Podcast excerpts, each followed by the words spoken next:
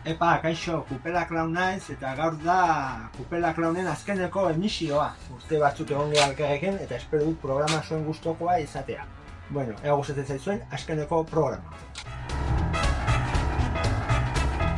Ni kupela klaun naiz eta kupela enbasoa entzuten ari ikusi zinak irratia. Editoriala, martxoa 2008 iru. Nazkatuta nago, gogaitu ba, berriro ere saiatu dira faktura elektrikoa igotzen. Eskerako oraingoan konturatu naizela. Gmail bat jaso nuen non, konpainia elektrikokoak jakinarazten ninduen, ordaintzen dudana euneko gehi igoko zidatela. Panikoan sartu eta beste konpainia batengana joan naiz eta ordaintzen nuena baino gutxiagoko kontratu berri bat eskaini didate bost urteetarako. Ez pentsa, konpainia elektrikoko berri, elektriko berriak, berrikoak pertsona zintzoak direnik, bere garaian egon nintzen beraiekin, eta asko igo eta gero aldatu egin nintzen. Denak dira oso gaizto bat. Denbora guztian behartzen gaituzte er negotea ordaintzen dugunarekin. Honek okerrera egin du. Lehen, asko gastatzen bat zenuen, asko ordaintzen zenuen. Baina orain, asko edo gutxi gastatu, asko ordaindu behar duzu. Antxitatean bizi behar gara, oianeko animaliak bezala. Ez bukatzeko beste animalia baten sabelean. Nik eskatu duten guztia egin dut. Kontsumo gutxiko bombilla jarri ditut. Gabadora ere kontsumo basuan eta frigorifikoa kontsumo basukoa ere erosi dituen lan urtean. Gaiztoen eteki, etekin ekonomikoa gero eta altuagoak dira. Sektore batzuetan, adibidez nekazaritzan, ulertu dezaket produkzioa eskasia izan bada, produktuak gora egitea. Baina orain, energia elektriko saltzaileak sal- sal- saltzaileak bost aizeetara zabaltzen ari direnean lortutako irabaziak errekor guztiak buskatu dituela, nola hostia ulertu daiteke fakturaren gorakada. Ezin dut ulertu. Bakarrik logika badago erabaki hauen atzean. Gaiztoak dira. Okerrena da ezin dugula ezer egin. Kabroi hauek parlamentua erosi dute. Feudalismo berri batean bizi gara. Lehen, noblei, duke, konde, errege eta alako izenekin ezagutzen zitzaien, zitzaien. Orango nobleak, Iberdrola, Endesa, Energy eta alako izenak dituzte. Baina erdi aroko tirania berberatik edaten dute. Hogeita bat garen mendeko Robin Hood berri bat behar dugu. Sasikume hauei, bi begien artean, gezi bat sartuko diena. Bestela, jai dugu.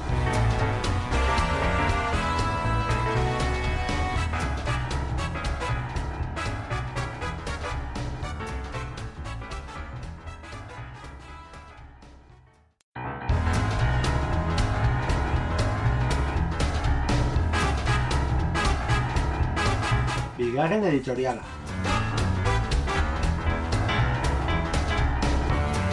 Ukrainako gerrak urte bete darama. Egia esateko, uste nun errusiarrak asko azkar asko irabaziko zutela. Zorionez, ez da hori gertatu. Bakea nahi dugu. Pertsona zibilizatuak bakea nahi dugu. Baina argi dago, Errusiako presidentea Vladimir Putin den bitartean hori ezinezkoa izango dela. Txetxenian hasi zuen gizon honek bere bilbide odoltsua eta oraindik ez da geratu. Egoera honek niri Dora, Kopl Dora Kaplan ekartzen dit burura. Emakume hau, militante anarkista, izan zen mila behatzen den urtean, ikusita irautza etzela benetakoa, diktore ezberdinen arteko botere aldaketa bat baizik, Leninen aurka atentatu egin zuena. Tiroak Lenin jo zuten, baina ez ziren nahikoak izan honen bizitzarekin bukatzeko. Hori bai, bizitza osorako ez gai utzi zuten eta denbora gutxira hiltzen. Dora epaituta gero fusilatu egin zuten. Gaur egun gerrarekin amaitzeko Dora Kaplan berri bat behar dugu. Putinekin amildera goaz, amildegira goaz. Denbora guztian bere mehatxuekin. Lehenen, lehenago hiltzen ez bada egia bihurtuko dituena goizago edo beranduago. Gizon honi kateatuta gaude eta 6.000 bomba atomiko ditu. Etorkizuna erabat beltza ikusten dut. Gertatu, gertatu litzaigukeen gauzarik berena izango zen, norbaiti Dora Kaplanen espiritua sartzea izango zen, eta Putine merezi duen bala sartzea izango litzateke. Bestela, jai dugu.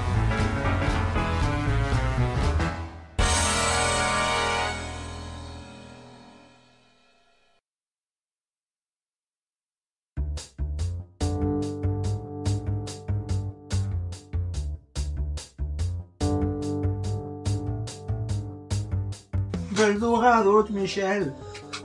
Burua mendire eta mantza azpian gordeta dut. Salbu sentitzen naiz, ostrukarena egiten dudanean. Bat batean, nire gelako argia piztu egiten da eta hotx ezagun batek galdetzen. Mutil, zea bilburua manten azpian eskutaturik, atera bingoz.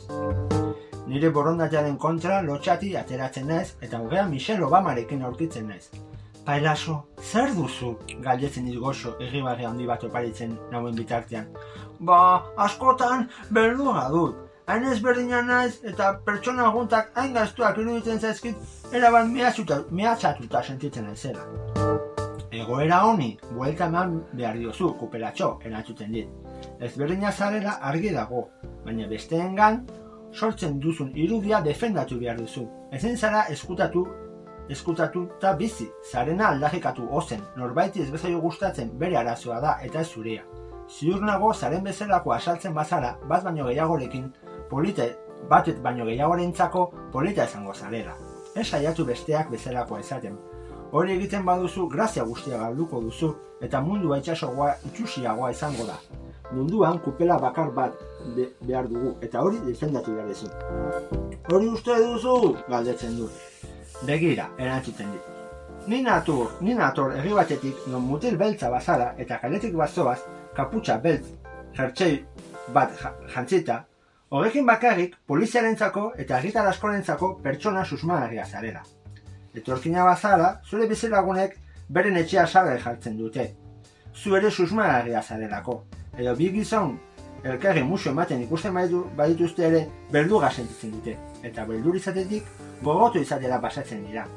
Errealitate horren aurrean, egin behar den azkeneko gauza burua makurtzea da. Kaleratea bartzara, burua tinko, eta gero eta gehiago, egin. Orduan, zu eta zu bezalako eta ni bezalakoak gero eta gehiago izango gara, eta mundua gero eta politagoa izango da. Ulertu duzu?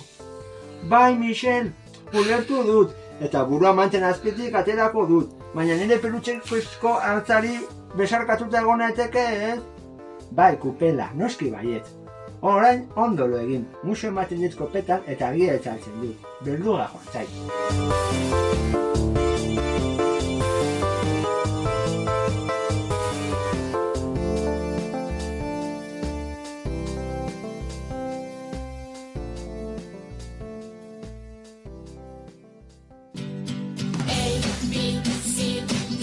Kupela klaunen alfabetua.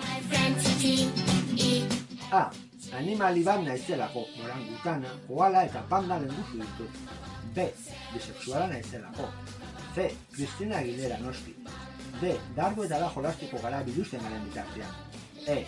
Espainia alde nendik. F. Fabrikan aspertzen nintzen. G. Gerezia pelagetako gisara emango ditut. H. Izki mutu, izki hau mutua da, ez du ezer esateko. I. Horeretako ibon, azte zina benetan. J. Jopen, jope, kesu naiz. K. Kupela klan, politagoa ezin. L. Lorea gogoko ditut. Naiz eta askar simentzit ezkira. M. Moto mami, moto mami. Moto mami, moto mami. N. Nerea, berak badak izalgatik. N. Kaina batzuk edango ditugu. O. Horereta, zubai tximeleta. P. Puta, puta kumea, puta semea, puta keia, putetxea, pornoa. Q. K. Ibai galdua. R. Rosalia, inspiratzailea. Rocío, Betty. S. Sartre, Ixo. T. Transexuala, transformista, travesti. U. Urano planeta, zibai kausa kukia. V. Vendetta. V. Bikoitza, Virginia Woolf, honek bazekin idazte. Ixa, irudimena, irudimen handia dut. Eritut Ixa filmak ikusi behar. Y-koa, Yellowstone Parkean bizina edut, jogi hartza bezala. Z, zora herria maitale elektrikoak egiten dizkidan gauza.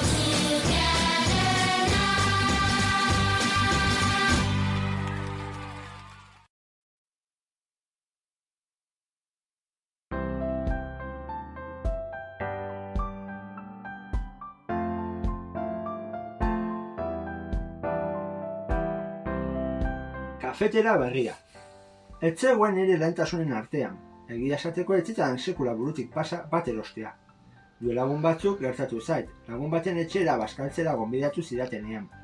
Kafearen ordua eritsi zenean, honek kapsula txiki batzuk atera zituen, eta banan-bana denontzako kafeak eginten joan zen. Makina txiki batean sartzen zituen eta oso azkar kafea mai gainen, genuen. Ze goxoa, tabernetako hartziru diten, apara eta guzti zuten. Inbidia galanta sentitu nuen, baina inbidia handia, benetan handia. Gaztelaniaz esaten den bezala, kulo beo kulo kiero. Ugendu egunean, supermerkatu handi horietako batean, sartu nintzen, bat erosteko intentziarekin. Susto ikaragarria sentitu nuen prezioak ikusterakoan, ezinezkoak nire ekonomia txikiarentzako. Eskera pailazo luze batean zeudela eta hau zeharkatzen ninduan bitartean prezioak gero eta basuagoa zuten. Zorionez, azkeneko makinara eritsi nintzenean, hau askoz merkeagoa zen, eta nire ekonomia palarentzako aproposa. Bitan pentsatu gabe erosi egin nuen. Zabor organikora bota daitezken kapsulak erosi nituen, baina askotan esan dizuedan bezala, pailazo oso litxageroa da, eta gozoenak ere erosi nituen, egun berezietarako, naiz eta hauek errefusara joan behar diren. Gozoenak, tofe, vainilla, karamelo eta nire bihotzeko uga zaporekoak dira. Bakoitzak bere guztiak ditu, eta hauek dira niri gehien gustatzen zezkidanak. Oso pozik nago nire kafetera berriarekin. Etxea, etxera bisita mazatuzte, egun berezitako kafeak bestatuko dizkizuet. Zuen zain geratzen naiz kafe hartzeko asmoarekin. Zuen zain nago.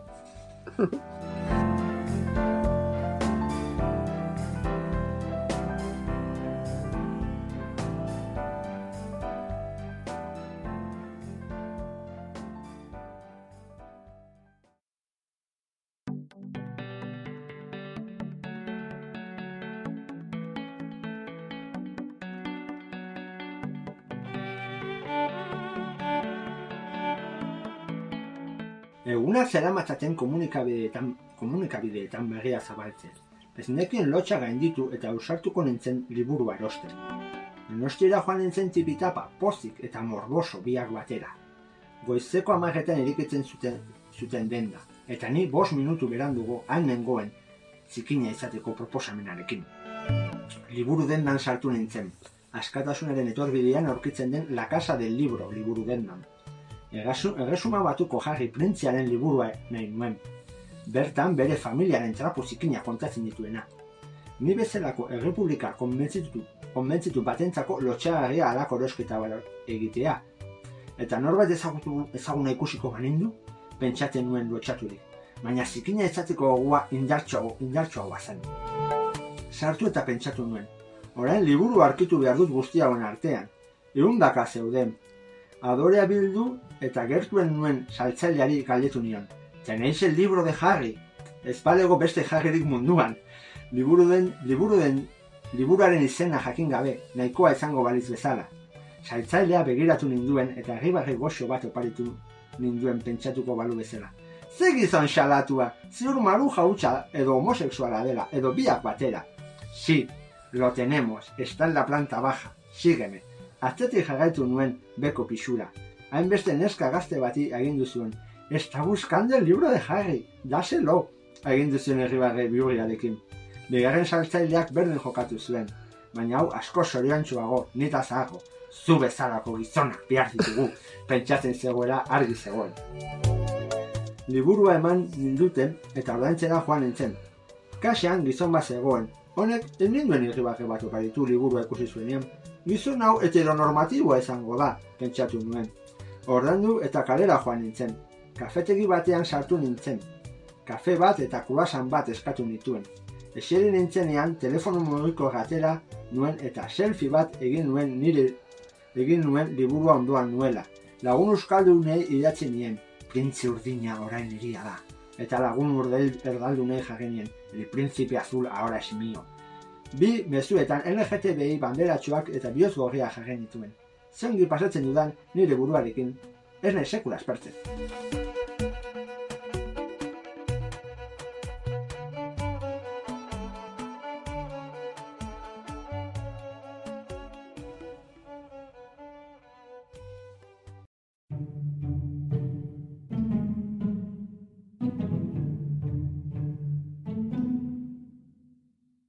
Hansel eta Gretel. Hansel eta Gretel horeretako gaztetxean ezagutu ziren laro eta margarren amarkadan. Egun honerretatik, Gretel Hanselen mito erotiko bakarra bihurtu zen. Egunero masturbatzen zen irudikatzen haren bularren artean jolasten zela. Kontzertu guztietara joaten zen ea aurkitzen zuen. Gretel beren Gretel bere lagunekin ateratzen zen paganda egitera, denak neskak, denak soineko beltzekin. egunero gure Hanselek neskalekin egiten zuen amets. Bi urte beranduago, pasaren txoko Sanferminetan, aurkitu eta liatu egin ziren. Esatea mutilaren egunik solentxuna izan zela oso motz geratzea. Egun horretatik aurrera, Hansel Gretelen baserrira joaten hasi zen. Hau, bere gurasoak hil zirenetik bakarrik bizi baizen. Esan zion. Honen etxean kuadro bereziak zeuden zintzilik, elizak sutan, diauraren marrazkiak eta sorgin ezberdinen panpinak etxe osotik zabalduta. Hansel mantenimendurik zegoen eta zakila gogorregia. Bitxikiri hauetan pentsatzen hasteko. Denbora guztian zegoen Gretelen buragen artean izkudeturik. Lagunekin ateatzeari utzi zion, eta neskaren etxera joan zen bizitzera. Bakarrik usten zuen emearen gorputzari pegatuta egotea etxeko lanak edo erosketak egiteko garaian. Esan dezakegu Gretelen gorputza bere planeta bihurtu zela, eta bera bere satelite bat. Urteak pasa ziren, gurasoak hil egin zitzaizkion, eta dagok dagoki dagoeneko etzen inor beraz gogoratzen, baina pozik bizi zen emearen gorputzari pegatuta. Ez zuen gehiagorik behar. Gau batean, bakarrik geratu zena, Gretelek afari bat bai zuen bere lagun misteritsuekin, beste emakume batzuk denak soineko beltzak zeramatzatenak, sorginei buruzko dokumental bat ikusten geratu zen etxean. Hanselek bere buruari galdetzen zion ea zergatik bera zahartzen zen eta Gretel bete bizan pulit jarraitzen zuen. Basarretik atera zen eta liburu denda batean Euskal Herriko sorginak izenburu zuen liburu bat erosi zuen. Bertan, Gretelen irudia aurkitu zuen testu txiki batekin. Zioen, honen bularen menpe geratzen zen gizona betirako pegatuta geratuko zala. Bitxiena zen, testuaren arabera, Greteli buruz lehenengo informazioa amazazpiaren mendekoa zela. Irudikatu, irakurritakoa beldurtu beharrean, pozez gainezka utzi zuen gure pertsonaia. Azken finean beretzako munduko gauzerik magikona zen, Gretelen bularen artean egotea. Horrela pasa zituen bere bizitzeko azkeneko hamarkadak, sekula esizitu den gizonik zoriontsuena izaten.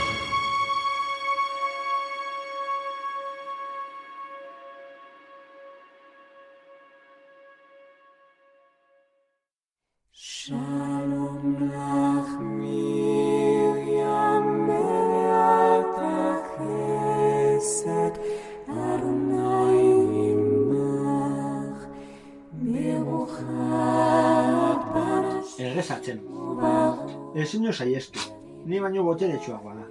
Beti gertatzen zai berdina, zinemara joaten naizen bakoitzean, Brad Pitt asaltzen den filma bat ikustera. Oraingoan, Babylon filma zen, aitzakia. Nire begiek hiru orduko opari ditxageroa jasoko, jasotzeko egikitan zeuden. Donostiako Prinzipe Zineman nuen zita berarekin. Gizon hori perfektua iruditzen zen, ze guapo. Eserdekoan geratzen naiz, era bat txundituta berari begira. Ze gizon, jope. Nola izan daiteke bera hain guapoa eta ni hain itxusia. Berarekin konparatuta basurde bat dirudit. Nor banatzen ditu nolakoak izango garen kartak jaiotzen garenean. Zergatik da hain bidegabezkoa. Jainko bat iruditzen zait. Ez, ziur nago janko bat dela, Apolo hain zuzen. Agian Akiles esan beharko nuke, hobeto, haren papera egin zuenetik Troia filmean. Egun horretatik sekula esit- esitu daiteken gizonik edergena iruditzen zait. Agian egin dezakedan gauza bakarra errezatzea izango da. Eta jankoi eskatu ni gizon horren besoetan bukatzea. Ea nire otoitzak entzuten dituzten probat, probatuko du. Oh, zeruko janko ezberdinak, entzun eskatu behar dizuedana.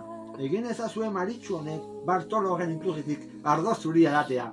Gizon horren baragabiak nire muipur masaien aurka talka egitea. Bere giaren mogo izan nahi du. Sodomatik astea bisita turistikoa. Olimpora eramango nagoen txango magikoan. Egokitu zaitezten nitaz, eta egia bihurtu, pailazo apalo honek eskatzen dizuena. Amen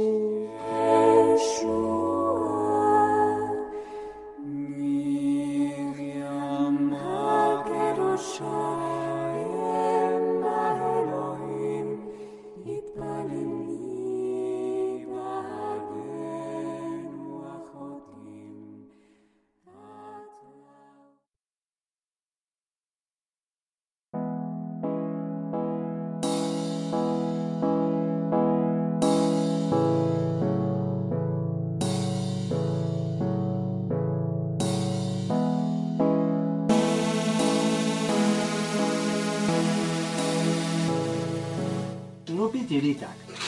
Ongidek izuen eran edo zer gauza dut aitzakia idazteko. Gustoko dut gertatzen zaizkidan errealitate ezberdinei buruz txapa sartzea. Oraingoan erosi ditudan bota berriei buruz hitz egingo dizuet. Eta hauek eramatea sortu duten endorioaz. Baina ez dira edozein bota. Martins botei buruz ari naiz hizketan. Gauz gaztea nintzenean eramaten dituen batzuetan beltzak besteetan granateak.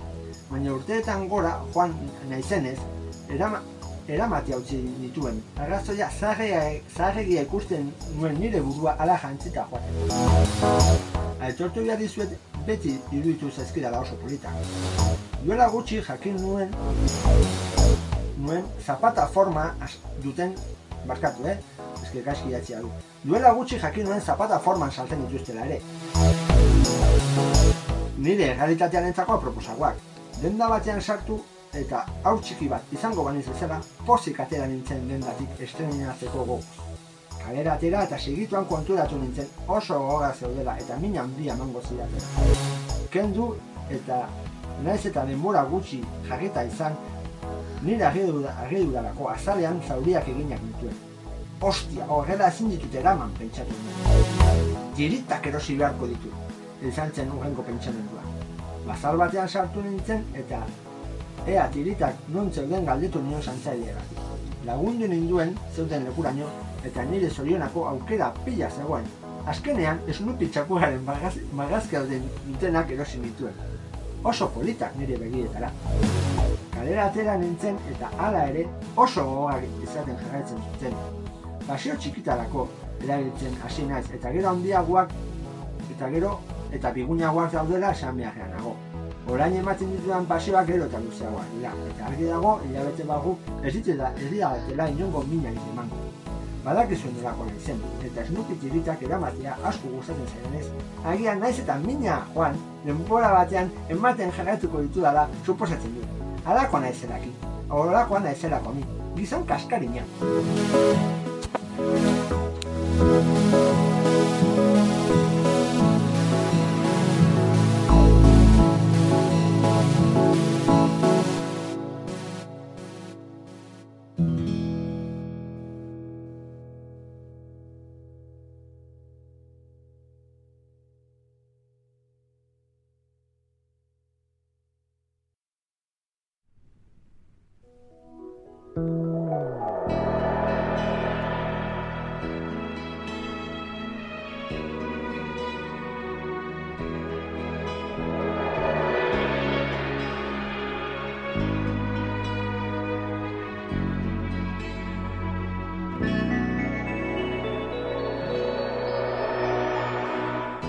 Grabé tu nombre en mi barca, me hice por ti marinero.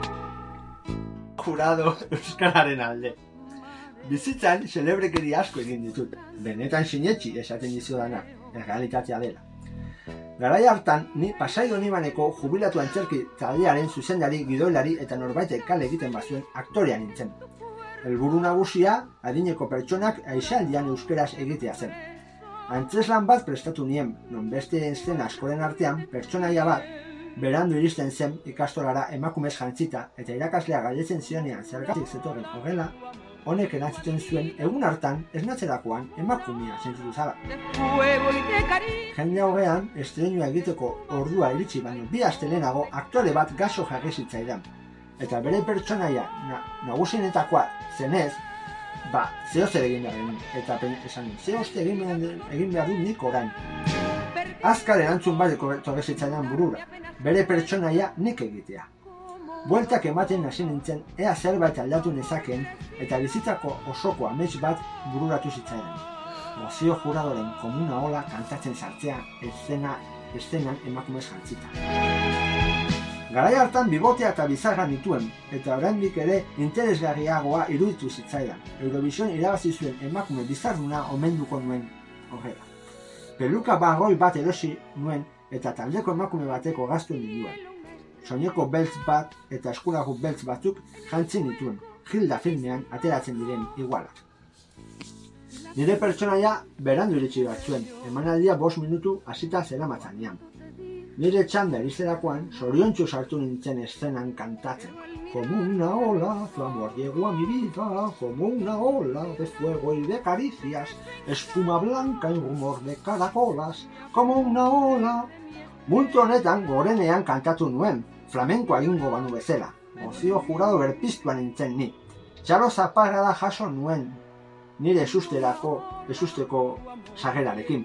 Hori bai, esan behagan aurkitzen nintzen, aurkitzen naiz, publiko artean zeuden jaio berri guztiak negarrez hasi zirela. Kabroi hauek ez zuten nire arte ulertu, kabrones. Emanaldia bukatzerakoan, berriro ere, txalo pila jaso genituen. Baina benetan kurioso izan zen, algo basa aldatu eta, kal, eta txeko bidean bueltan ninduanean, egiko mutilko eskorrak, neskak ez, ni ikusi eta komuna hola kantatzen hasi zirela. Benetan unkituta sentitu nintzen, pentsatu nuen, hauek etorkizuneko travesti euskaldunak izango dira. Dirudienez, bizitzan agotasunez betiko ninduen arrastu hau nuen. Hori bai, agian komuna hola kantatzea ez da euskara, ez du euskararen alde ezer egin. Baina bueno, bizitzan ongi pasara da, eta egun hartan, bai publikoa, baita nire aktoreak ere ongi pasa zuten, eta nik amets bat egi bihurtu nuen. Hobetu ezin, Es en el viento como una ola. Se fue tu amor